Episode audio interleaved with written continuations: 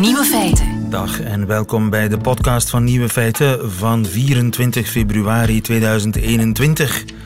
In het nieuws vandaag dat mayonaise levens kan redden. Vorige week werd de Israëlische kust overspoeld met teer, waarschijnlijk afkomstig van een schip dat olie lekte. En volgens de regering is het de grootste milieuramp in de geschiedenis van het land.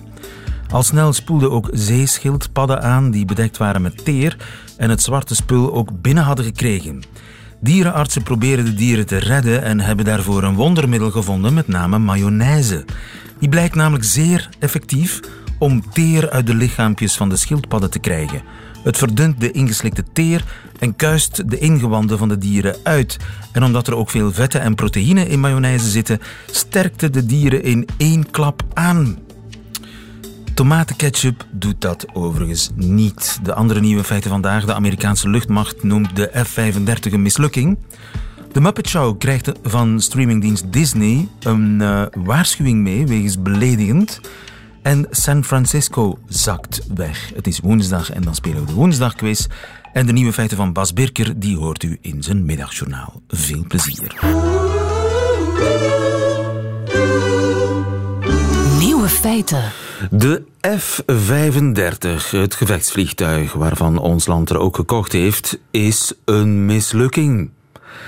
Dat zeg ik niet, dat zegt de luchtmacht van de Verenigde Staten. De F-35 is het probleem geworden dat het eigenlijk had moeten oplossen, zeggen topmilitairen daar. Jens Fransen, goedemiddag. Goedemiddag, lieve. Ik schrik daarvan. Ja, maar het klopt eigenlijk wel. Jij bent onze defensiespecialist. Ik dacht dat het eindelijk de goede kant op zou gaan met die F-35. En nu krijgen we dit. Ja, nu je moet weten, er is een F-35, dan is er een F-35 en er is nog een F-35. Er zijn drie soorten F-35. Er zijn drie soorten van die toestellen. En dat maakt het toestel eigenlijk heel complex. De bedoeling bij de introductie van die F-35 was dat het een heel pak oudere, andere toestellen, uh, ik zeg maar iets, de A-10, maar vooral de F-16, maar ook de F-15, uh, mogelijk zelfs de F-18, dat het al die toestellen zou vervangen door één toestel, F-35, met een aantal variaties. Maar daardoor werd het toestel en de productie van het toestel heel erg complex en werd dat heel duur en heeft dat heel lang geduurd, waardoor er nu eigenlijk nog maar te weinig toestellen geproduceerd zijn. Bovendien tegen een prijs die veel te hoog is. Nu, voor alle duidelijkheid, ons land koopt eigenlijk de basisversie van dat toestel, de A-versie, de F-35A, die eigenlijk de F-16 zou moeten gaan vervangen. Dat is ook de versie waar eigenlijk het minste problemen mee zijn. Maar weet, de Amerikaanse belastingbetaler, want die betaalt dat allemaal, die heeft daar al heel veel miljarden voor opgehoest. Ja, maar de Belgische belastingbetaler toch ook, hè? Ja, wij gaan daar ook veel voor betalen, maar de versie die wij gaan kopen kost eigenlijk niet zo heel veel meer ten opzichte van vergelijkbare toestellen. Bij ons eh, zal het om en bij de 80 miljoen euro zijn per toestel, maar er zitten dan wel nog wat een stukje onderhoud, een stukje motoren, extra motoren bij.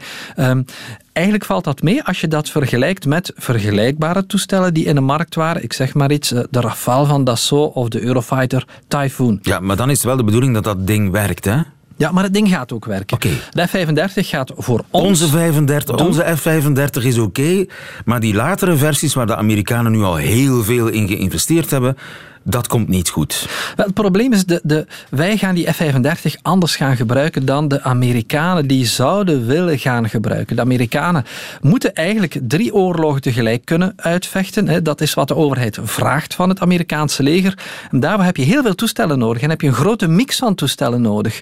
Die mix geen kleiner worden, maar omdat de productie op zich laat wachten en omdat het, zeker ook die andere varianten van die toestellen, problemen hebben en omdat wellicht ook het gebruik zo duur gaat is men zich nu in de VS aan het gaan afvragen van ja, als dit toestel en al die varianten nu niet eigenlijk doen wat wij ervan verwacht hadden en al die toestellen kunnen gaan vervangen, ja, wat gaan we dan doen? Gaan we dan toch door met dat ene toestel? Of moeten we misschien iets, moet, moeten we toch niet gaan bekijken dat we minder van die F-35's gaan nemen en dan eventueel voor die andere varianten misschien een nieuw type gaan ontwikkelen? Voor alle duidelijkheid, er worden ook nog steeds, um, naast die F-35 heb je nog het grote broertje, de F-22. Dat is een toestel dat iets ouder is. Daarvoor is nu een programma lopende om die te gaan vervangen. En dat noemt dan eigenlijk de Air Dominance Fighter. Dat wordt de nieuwe grote broer van de F-35. En stel je nou voor, hè, om, om, om het beeldend uit te drukken, als je naar Moskou zou gaan trekken met vliegtuigen, dan ga je dat niet doen. En dat was ook nooit de bedoeling om vanaf dag 1 met die F-35 richting Moskou te gaan trekken. Maar dat doe je wel met een F-22 of met een opvolger van die F-22. Dus de Amerikanen gaan niet alles meer zetten op die F-35, want die is te traag, te duur, te ingewikkeld. Wellicht wel. En vooral ook, er zijn er op dit ogenblik te weinig van. Er hadden er nu al honderden moeten vliegen, maar dat is niet. En die productie is zo traag. Terwijl aan de andere kant zit je met die F-16 die een stuk aflopend is. Dus ik sluit het zelfs niet uit dat de VS uh, in de komende maanden misschien alsnog eens 20, 30, 80, 100, misschien 150 oude F-16's gaat kopen, maar dan vooral omdat zij constant die hele mix van vliegtuigen groot genoeg moeten houden, omdat zij natuurlijk zitten met die, dat heet dan ambitieniveau. Zij moeten, zij zijn verplicht van de Amerikaanse overheid om die drie oorlogen tegelijk te kunnen gaan uitvechten. En dan kan je niet zeggen tegen de Amerikaanse overheid, uh, jongens, uh, de komende twee, drie jaar nog. gaan we even wat minder doen, maar er komen er wel in de toekomst. Zo werkt dat niet. En voor alle duidelijkheid, voor ons land verandert er eigenlijk niets. Nee, voor ons land uh, verandert er weinig. Wij hebben voor die F-35 gekozen niet alleen omwille van dat ene toestel, maar eigenlijk om, om drie redenen. Eén, wat kan het toestel? Maar twee, wie gebruikt dat toestel nog? En dan moet je vaststellen in Europa dat bijna alle oude gebruikers van de F-16 waarmee wij samenwerken, Nederland, Portugal, Noorwegen, Turkije, uh, Oostenrijk, dat soort kleinere landen, dat die ook voor de F-35 kiezen. En dan drie, dat we het hebben gekocht van de VS, wat toch wel uh, van uh, Lockheed Martin, wat een bedrijf is waarmee we al heel lang samenwerken. Het alternatief was bijvoorbeeld een Frans toestel kopen, maar dan waren we het ene kleine wagonnetje achter een heel grote Franse dan trein geweest. Nog meer problemen. Nu is er een zeer groot Amerikaanse trein, maar toch met verschillende kleine wagonnetjes. Dankjewel, Jens Fransen. Nieuwe feiten.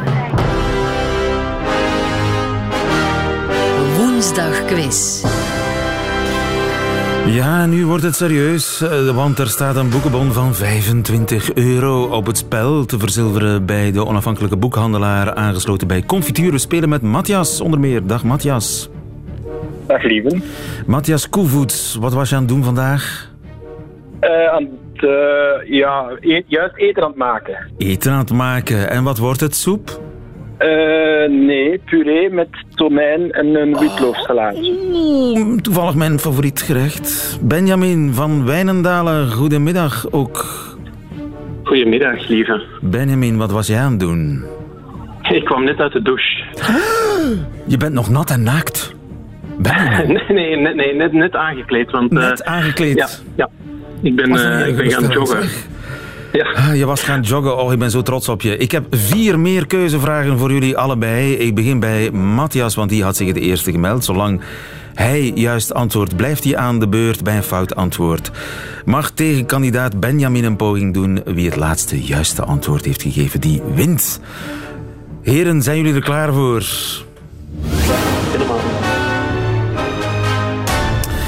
Matthias, gisteren deed de woordvoerder van de Nederlands premier Rutte een schokkende mededeling, een onthulling over zijn baas. Welke? A. Mark Rutte nam nog nooit de bus. B. Mark Rutte maakt een jaar op voorhand een afspraak bij de kapper. C. Mark Rutte heeft onder een pseudoniem de soft-erotische roman Spring maar achterop geschreven. Matthias, wat denk je? A. Je denkt A. Fout! De beurt gaat naar Benjamin. Wat denk jij? Mijn, uh, mijn dochters zeggen twee. Uh, B. B. Hij maakt een jaar op voorhand. Dat is helemaal goed. Mooi. Gilles, ja. die de quiz heeft gemaakt en tegelijkertijd ook jury is, maakt hij een jaar op voorhand een afspraak bij de kapper? Ja, het zit zo. Een radiozender had naar de kapper van Mark Rutte gebeld om te vragen van, ja, uh, wanneer heeft Mark Rutte zijn volgende afspraak? Want in Nederland was tot gisteren het verboden om naar de kapper te gaan. De kappers waren gesloten. En de kapper zei, ja, op 6 maart. Waardoor ze dachten van, ah, oké, okay, dus uh, de kappers mogen terug open. Waarop de woordvoerder van Mark Rutte heel snel heeft gezegd, ja, maar, ja, maar mijn baas maakt een jaar op voorhand zijn kapperafspraak. Die ligt al een jaar vast, die afspraak. Vooruitziendheid is een kwaliteit hè, voor een premier. Uh, we blijven bij Benjamin, hè, dacht ik, meneer de jury. Mm -hmm. Voor vraag 2, Benjamin. Wat is zowel voor mannen als voor vrouwen een overduidelijk bewijs dat vrouwen gelukkig zijn? A. Een paardenstaart. Dat ze hun haar in een paardenstaart dragen. B. Hakken hoger dan 5 centimeter. Onder hun schoen, uiteraard. C. Wanneer ze... Rustig. Wanneer ze stijve tepels hebben. A, B of C, Benjamin? Eh, wij denken de paardenstaart aan. Het wordt spannend. Matthias, B of C? Ja, ik denk C. Ay, mijn zoon zegt C. Uw zoon in de gaten houden. Dat is helemaal goed. Want dat zou namelijk blijken uit nieuw onderzoek. Waarom het zo is, weten we niet. Maar we weten wel dat mannen met stijve tepels niet als gelukkiger worden gepercipieerd. Ik blijf bij jou, Matthias, voor vraag 3. Wat staat er geschreven in de linkerbovenhoek van het schilderij De Schreeuw van Edvard Munch? A. Alleen een gek kan dit gemaakt hebben. B. De stilte is een vriend die je nooit verraadt. C. Het verraad der voorstelling. Eh, A. Je denkt A. Dat is helemaal goed. Klopt, hè? Ja, Gilles. klopt, helemaal. Eerst dachten ze dat het eh, Vandalen waren die het hadden geschreven op het schilderij, maar nu blijkt uit onderzoek dus dat het Munch zelf is die het heeft geschreven. Alleen een gek kan dit gemaakt hebben. Goed geantwoord door Matthias. Vraag 4. Enkele, dus ik blijf bij Matthias, hè, voor alle duidelijkheid. Enkele Franse ministers maakten zich deze week boos op het stadsbestuur van Lyon. Wat hadden ze daar mispeuterd? A. Op recepties in de stad schenken ze in Lyon voortaan alleen non-alcoholische dranken. Vonden de Franse ministers niet leuk. B. Scholen in Lyon mogen voortaan uitsluitend vegetarische maaltijden aanbieden. C. De burgemeester van Lyon zei dat voetbalclub PSG geen echte Franse club is. A, B of C? C. Jij denkt C. C. Fout. Haha, ik ga terug naar Benjamin. Spannend. Eh, wij, wij gokken het eh, B. Je denkt B? Dat is helemaal goed. Benjamin, dat betekent...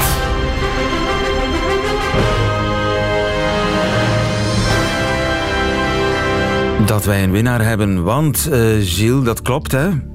Ja, inderdaad. Sorry, ik was even koffie aan het drinken. Eh, de burgemeester van eh, Lyon had inderdaad gezegd dat alle maaltijden vegetarisch moesten zijn, omdat nu kinderen kunnen kiezen tussen vegetarisch, vlees en noem maar op. En die wachtrijen zijn in coronatijden niet te verantwoorden. Dus daarom voor iedereen vegetarische maaltijden. Voor iedereen vegetarische maaltijden en voor Benjamin een boekencheck van 25 euro. Helaas, Matthias, moeten wij afscheid van jou nemen zonder een prijs. Maar het het was een eer om met jou te spelen. Dank u. De Derde keer, goede keer dan. Eh, derde keer, goede keer. De boekenbon gaat naar eh, Benjamin. Blijf aan de lijn, dan noteren wij jouw adres. En wie eh, ook eens online wil meespelen, dat kan natuurlijk ook. Nieuwe feiten. De zeespiegel die stijgt, maar de steden zakken. Koen van Noten, goedemiddag. Goedemiddag, Lee. Van de Koninklijke Sterrenwacht van België. Uit eh, nieuw onderzoek in Amerika blijkt dat San Francisco onder zijn eigen gewicht dreigt te bezwijken. Ja, dat klopt, inderdaad. Ehm, men, eh, we zien eh, globaal dat natuurlijk mensen meer in steden gaan wonen. En men raadt ons aan om dus meer in de hoogte te gaan bouwen, ehm, om de stad niet te veel te doen uitbreiden. En aangezien dat we in de hoogte bouwen, heeft die natuurlijk, eh, creëert men meer gewicht op de aardkorst. Ehm, dus gaat een, een stad gaat eh, zwaarder gaan wegen door, doorheen de tijd als er meer mensen in gaan wonen. En daardoor zou San Francisco al 8 centimeter zijn gezakt. Ehm, ja, dat klopt. Dus men heeft eigenlijk een inscha- eh, inschatting gedaan van hoeveel weegt nu eigenlijk een stad. Ja, Ehm, goeie vraag. Hoeveel weegt Antwerpen? Eh, dat is een goede vraag dat ik nog niet op kan antwoorden. Ik weet wel het antwoord voor San Francisco, want men heeft daar die studie gedaan. Oké, en hoeveel weegt San Francisco? In totaal weegt eh, San Francisco 1,6 eh, biljoen kilogram. Ehm, dat is een groot getal. Dat is eh, eh, 1,6 maal 1 miljoen maal 1 miljoen kilogram. Dat is, Veel. ja, dat, zijn ook, ja, Heel veel. dat is heel veel. Ja, ik denk het zwaarste object dat ik ken is misschien een Airbus A380. Ehm, en dan heeft men nog 4.400.000 Airbussen op elkaar gestapeld nodig om aan dat eh, bedrag te komen, aan die Ja. zwaarte te komen. Dus En niet te er- verwonderen dus dat door die druk eh, ja, de aardkorst een beetje krimpt of een beetje inzakt. Ja, inderdaad, inzakt. Hè. Dus eh, het hangt er natuurlijk vanaf hoe dat je ondergrond is opgebouwd. Men je kent wel de films ehm, waarmee dat, de auto's ehm, vliegen over de heuvels van San Francisco. Daar heb je een harde onderko- ondergrond. Ehm, en het gewicht van de stad is niet genoeg om, om die ondergrond echt te doen gaan barsten. Maar natuurlijk, ehm, als je zachte sedimenten hebt, dus eh, naarmate dat je naar de zee gaat of eh, aan rivierafzettingen, kan dat gewicht wel die sedimenten gaan in, eh, samendrukken. En het effect daarvan is dat je, als je de ondergrond samendrukt, een zachte ondergrond, dat je het water gaat wegduwen eh, uit die ondergrond. Ehm, en in San Francisco resulteert dit dat eh, door het gewicht van die stad eigenlijk je zijdelings weg van de stad al het water ga- gaat gaan wegduwen. Ja, het is een soort spons die je uitwringt eigenlijk, als het ware. Ja, ja dat klopt. Ehm, En dat is natuurlijk extra alarmerend, omdat het zeeniveau daar ook gaat stijgen de komende 30 jaar met 30 centimeter, wordt gezegd. Ja, dat klopt. Dus dat is het enigste alarm. Het één, eh, alarm. Een ander alarm is natuurlijk ook San Francisco ligt ge- geperst tussen twee grote breuksystemen. Hè. De San Andreas-breuk en de Hayward-breuk. Ehm, en als je natuurlijk meer water gaat pompen in de richting van die breuken, ja, die staan continu onder spanning. En als je daar water in pompt, ja, die breuken die hebben dat graag en die, en die kunnen potentieel dan gaan bewegen, waardoor je een aardbeving kan krijgen. Dat is een tweede risico. Dat is een tweede risico. Ja. Nu, dat is redelijk kortzichtig om het alleen te steken op het gewicht van de stad. Men heeft nog andere oorzaken waardoor dat een stad inzakt. Eh, zakt. maar men moet er dus extra rekening bij houden bij het, ja, het modelleren van het risico van, van aardbevingen en het, het risico van het inzakken van een stad. Ja, aardbevingen komen bij ons natuurlijk niet zo vaak voor, maar ik zit me af te vragen, zakt Brussel? Ja, men, de Geologische Dienst heeft eh, een aantal jaar geleden 25 jaar lang eh, satellietdata bekeken. Eh, en men zag eigenlijk dat, dat ehm, tijdens de industriële revolutie heeft men enorm veel water opgepompt onder Brussel. Dus eh, zakte effectief de stad. Maar de laatste 20 jaar zijn eigenlijk de watervoerende lagen onder Brussel langzaamaan terug gevuld met water, waardoor de- stad toch lichtjes terug naar boven is gekomen. Brussel is aan het Ehm, stijgen. ja, enkel alleen door het, eh, het, het, ja, de, door het water dat terug in die ondergrondse lagen wordt geperst. Dus het is Enkel niet de- onomkeerbaar, dat effect van wegzakken onder je eigen gewicht. Nee, nee, nee inderdaad. eh, Enkel in de Zennevallei, dus echt in het centrum zelf, waar heel jonge sedimenten zijn afgezet door de rivier de Zenne, daar heeft, heeft men nog een inzakking van ongeveer 2 mm per jaar.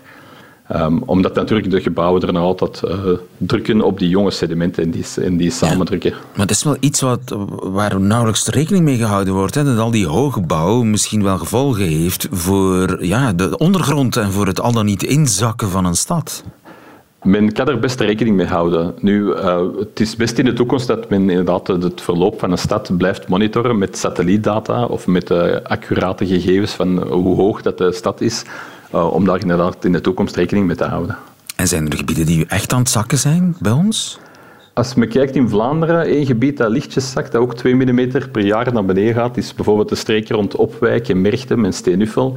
Maar dat is net daar waar dat er een aantal grote brouwerijen zijn en die nog altijd geregeld water blijven oppompen uit de ondergrond. Dus, Ehm, we, dus men- we drinken de ondergrond leeg en daardoor zakken we in. Hoe Vlaams kan niet- het worden? Het is niet onder elke brouwerij natuurlijk. We zien dat dat in die streek dat dat voorvalt. eh, en we zal de studie nog moeten uitbreiden naar heel Vlaanderen om te kijken naar andere brouwerijen. Ja, Dus de- niet zozeer de hoogbouw is bij ons een probleem, maar de brouwerijen. Ja, Of het water dus- oppompen. Ja, inderdaad. Dus men kan goed rekening houden met een goede grondwaterplanning. Maar men is er zeer hard mee bezig in Vlaanderen om het grondwaterpeil op peil te houden. Ja, Dus, eh, en dat is eh, extra belangrijk natuurlijk ook wegens de stijging van de zeeniveaus. Koen van Noten, dankjewel. Goedemiddag. graag gedaan.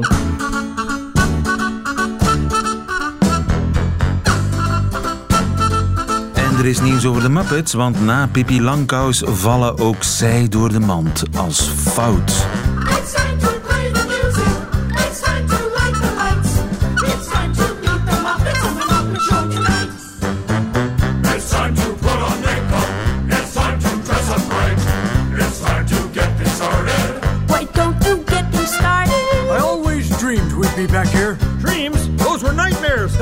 It's time to get things started on the most sensational, inspirational, celebrational, Muppetational.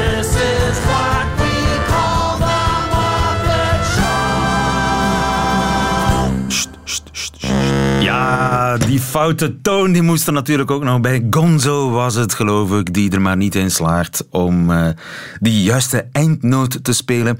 U herkende ongetwijfeld ook Kermit de Kikker, de presentator van de Muppet Show, die telkens weer grandioos in de soep draaide tot afgrijzen van eh, Statler en Waldorf, de twee brompotten in hun loge.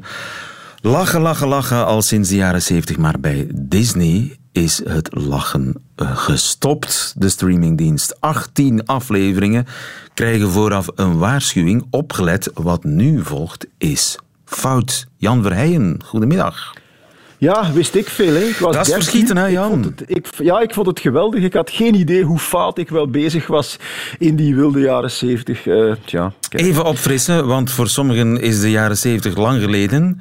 De Muppet Show die speelde zich af in een soort van theater, een soort verlopen voor de theater. De presentator van dienst was Kermit de Kikker, een pop, net zoals het publiek en alle andere medewerkers van het theater. Eh, behalve één eh, mens, dat was dan een gast uit de, de filmwereld of uit de muziekwereld. En eh, we krijgen een, een, een blik achter de schermen en voor de schermen van de Muppet Show. En één rode draad, alles mislukt. Ja, technisch virtuoos gedaan. Eh, Zeker. Nee, maar echt wel. Dat is Ja. dat met, met poppenspelers. Wereldsterren stonden aan te schuiven om in die show te komen. Het is onvoorstelbaar wie daar allemaal is gepasseerd. Van Peter Sellers over John Cleese. eh, tot, enfin, noem, noem ze maar op. Ze zaten in die, die Muppet Show. Ehm, en ehm, ja, nu heeft Disney... Dat is dan, eh, ze hebben dat al een tijdje geleden gekocht van de, crea- de, de creator Jim Henson. Een genie, wat mij betreft. Ook de man achter de Sesame Street. En eh, de poppen in een heel aantal grote films, zoals Neverending Story, eh The Dog. Had jij je favoriete. Muppet, Jan? Eh, God, ja, jij verwacht natuurlijk dat ik nu Statler en Waldorf ga zeggen. Waarom? Maar ik, Nee. ik, ik, ja, omdat dat natuurlijk ja, cynische brompotten waren. Ja. maar maar ik, ik, identificeer, ik identificeerde mij toch vooral met Kermit de Kikker. Want ik was al op vrij jonge leeftijd toch ook een beetje de regelneef van de klas als er iets moest georganiseerd worden. en zo. Dus ik had altijd wel te doen met Kermit, die dat dan echt, echt heel erg probeerde goed te doen. En dat liep dan, zoals je al zei, altijd toch een beetje in de poeier. Enfin, dus, eh, nee, ik had het dus vooral voor eh, Miss Piggy, maar dat ligt ook geheel aan mij. Nu, die, wellicht, wellicht. die waarschuwing, hoe ja, gaat die? Die waarschuwing, misschien moeten we daar toch, ik, want, want dat is niet onbelangrijk. Die waarschuwing gaat als volgt. Ik vertaal het even in het Nederlands. Dit programma bevat negatieve voorstellingen van en of slechte behandeling van mensen of culturen. Deze stereotypes waren toen fout en zijn nu fout. Eerder dan deze inhoud te verwijderen, willen we de schadelijke impact ervan erkennen, ervan leren en dialoog aanmoedigen om een meer inclusieve toekomst te creëren. Oei. En nu jij. Waarom Dus, dan nog ehm, uitzenden, zou ik zeggen? Goh, nee, wat mij daarbij opvalt, ehm, is dat een, een, een, een studio als Disney natuurlijk als de dood is in, in, in, de huid, in het huidige klimaat om, om van wat dan ook beschuldigd te worden. Maar ik vond het, eerlijk gezegd, los van de misschien ja, goede bedoelingen, ik vond het vrij beledigend voor Jim Henson en de andere mensen maker. die dat in de jaren zeventig hebben gemaakt. Omdat als je zo expliciet zegt, deze stereotypes waren toen fout, dan ja, impliceer je eigenlijk Had nooit dat de mensen die dat worden. toen voilà, dat die mensen die dat toen maakten op een of andere manier malafide bedoelingen hadden. En dat is natuurlijk niet zo. Ehm, er zitten een aantal... ehm, eh, als je dan gaat kijken, het gaat over 18 afleveringen. Ja, Dus want de, de, de 100 afleveringen krijgen de waarschuwing niet. 18 afleveringen krijgen de waarschuwing wel. En Disney geeft eigenlijk geen uitleg waarom de ene aflevering wel deugt en de andere aflevering niet. Ja, maar bon, het internet is natuurlijk zeer actief en die zijn eh nou, min of meer, eh, iedereen heeft dat dan zitten bekijken en het is nu ongeveer duidelijk wat die afleveringen zijn. En het gaat bijna altijd inderdaad over dat woord stereotypes. Dat betekent, hè, eh, Pieter Sellers komt langs en die, die ja, de Peter, Pieter Sellers, men is dat blijkbaar vergeten, maar Pieter Sellers was in de jaren zeventig een waanzinnig populaire komiek die inspecteur Clouseau speelde in de Pink Panther, waar hij dus, zou je kunnen zeggen, het hele Franse volk schoffeerde door in een ridicuul Frans accent dat dik aan te zetten, die ook eh, eh, de Chinezen beledigde, want hij speelde Fu Manchu, en die in de klassieker van Blake Edwards, The Party, die ik onlangs op Canvas nog zag, zonder disclaimer, een Indiër eh, speelt. En al die clichés dik in de verf zet. En dus in die Ehm, aflevering met hem, met Peter Sellers, kruipt hij in de huid van een zigeuner. He is the epitome of the witty, urbane Englishman, so naturally we've asked him to play a demented gypsy violinist. A gypsy's heart is yearning, a gypsy's blood is churning. Ja, Kermit zegt het zelf. Hè. Hij is een eh, eh, blanke Brit. En tuurlijk hebben we hem daarom gevraagd om een demente zigeuner te spelen. Dus hij, waarmee, waarmee je het meteen ook al, al, al het stereotype ondermijnt. Ik zal zelfs meer zeggen. Er is een ander eh, fragment met een, eh, een andere komiek, Jonathan Winters. Jonathan Winters, eh, bij ons minder bekend, was een, was een komiek, maar ook een stemmenimitator. En hij brengt een sketch van een drietal minuten waarbij hij, waarin hij al achtereenvolgens allerlei personages speelt. En er is een moment waarin hij John Wayne speelt. Hè. Dus hij speelt John Wayne, die een dialoog had met een Indiaan. Dus hij doet eerst John Wayne, dan doet hij de Indiaan, die zegt iets onverstaanbaars. En daar re- reageert John Wayne met die typische John Wayne-rol. You sure got a lot of lines for an Indian. Maar dat is, vind ik dan weer net meer een parodie op het, op, op het stereotype van de Indianen zoals die in Amerikaanse westerns worden gebruikt, eerder dan beledigend voor de Indianen zelf. Het, het slimme aan die Muppet Show is vaak dat de dubbele bodem nog een dubbele bodem had. En dat in, op geen enkel manier de, de intentie er was om mensen te schofferen. Laat ons ook niet vergeten dat humor vaak net speelt met het uitvergroten van, van clichés. Hollanders zijn gierig, Polen zijn dom. Alle Engelsen spreken met zo'n posh upper class, twitty accent. As if they're all torn from the pages of Sense and Sensibility. Italianen zijn fantastische minnaars. Fransen zijn snobs. Ja, god, ehm, dat gaat dan wel heel ver. Ik, ik zou durven stellen, je hebt, die, je hebt die fameuze uitspraak, beauty is in the eye of the beholder. wel, dat, geldt voor humor eigenlijk ook een beetje. Dat, dat is eigenlijk de essentie. Hè? Waar hou je rekening mee? Met de intentie van de kijker of met de intentie van de maker? Eh, de, dat is een verschil. Hè. De intentie van de maker, dat lijkt mij vaak nogal duidelijk. Eh, de toeschouwer, eh, als de toeschouwer zit te kijken, al met de intentie om het fout te gaan vinden, dan is dat het probleem van de toeschouwer en niet het probleem van de maker. Maar laten we eens kijken of luisteren liever naar Jonathan Winters, hoe hij een Indiaan nadoet. Ine Pahanoi. My people and I, Chief Iron Will do a dance for you. Please take pictures of us. Het zit toch een beetje... Ja, gevoeligheden veranderen. Hè. Wat grappig was in 1976 is niet Ja, maar- noodzakelijk maar- maar- vandaag grappig. Zou dit Maar vandaag ook nog dat kunnen? Fragment, maar, maar ook dat fragment, dan kan je je afvragen met wie lacht hij? Met de Indianen of met de toeristen die opdagen en die dan inderdaad een dansje willen zien? Die, die dat cliché versterkt willen zien. Dus het, het, het, is, het, is, het gaat ook hier, wat mij betreft, redelijk dubbel. Het is een heel slim geschreven sketch. En het klopt natuurlijk, maar als je. Het is natuurlijk waar, hè, lieve, als je dingen bekijkt door de bril van ondertussen 2021, dan zijn een aantal zaken die in de jaren 70 vanzelfsprekend waren of waar niemand mee stilstond, laat staan slechte bedoeling had, dan zijn die inderdaad ja, een beetje pijnlijk. Maar dan moet je het aantal films die gemaakt zijn tussen de jaren 30 en de jaren 70, die je dan zou moeten gaan censureren of laten eh, voorafgaan door een disclaimer, is niet te tellen. Hè. Dan zit je ook bij Mickey Rooney eh, in, in de klassieke dansfilm On the Town. Dan zit je met, met ontzettend veel Amerikaanse films uit die jaren 40, 50, 60, waarin als er al zwarten in voorkomen, dat het ofwel schoenpoetsers zijn, eh, eh, thuisbedienden, of niet al te slimme eh, comic reliefs. Ja. En ja, maar in deze gaat het natuurlijk, het systeem is witte mannen die op een clichématige manier niet witte mensen ja, belachelijk maken. Dat is eigenlijk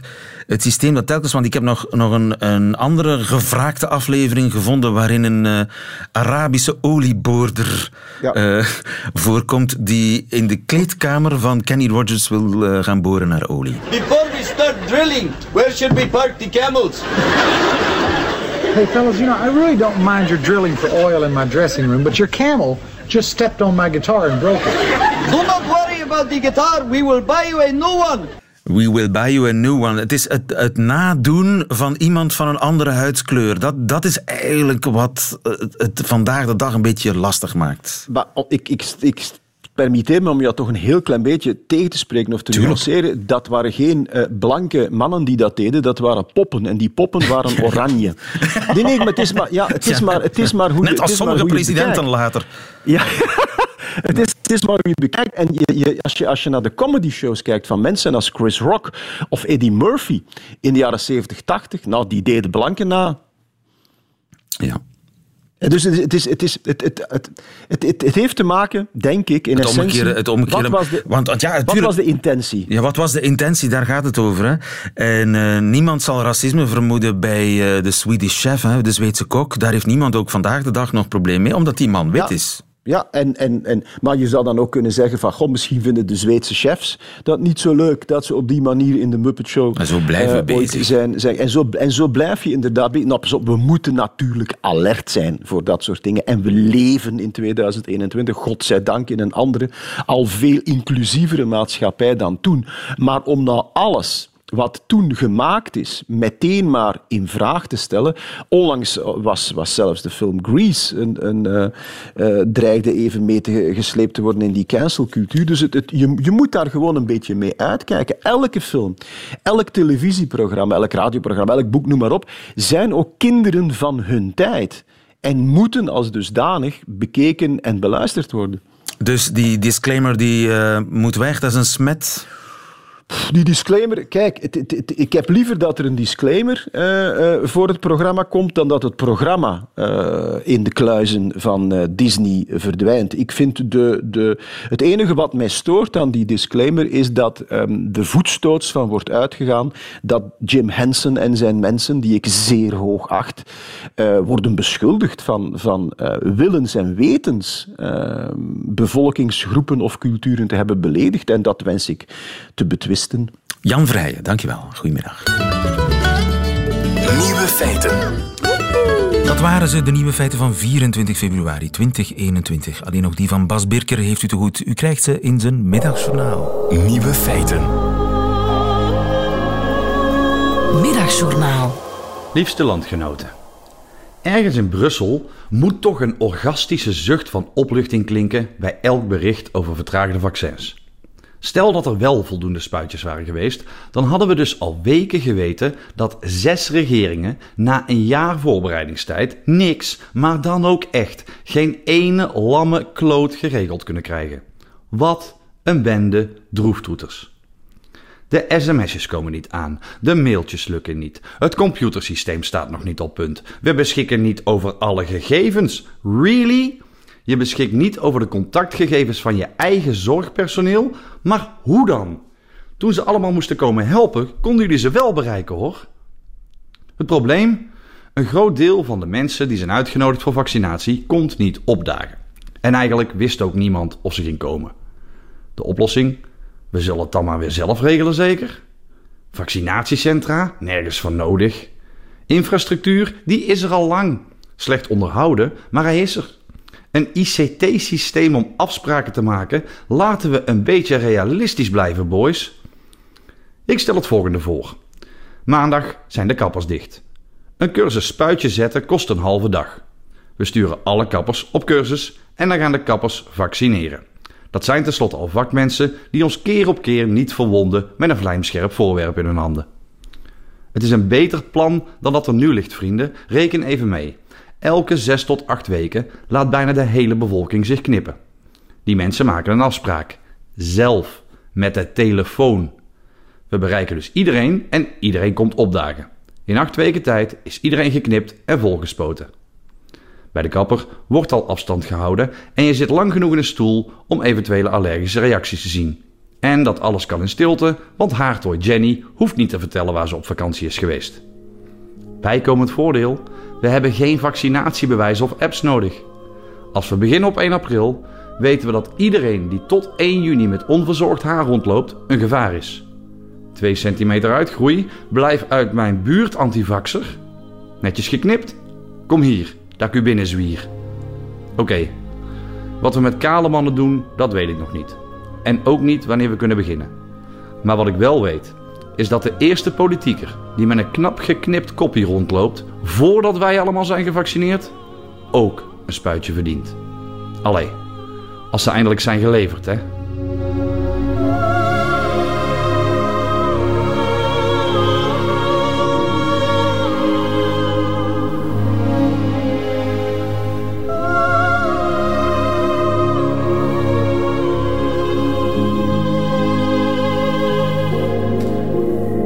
Opbouwende voorstellen van Nederbelg Bas Birker in het middagjournaal. Einde van deze podcast. Hoort u liever de volledige uitzending van Nieuwe Feiten?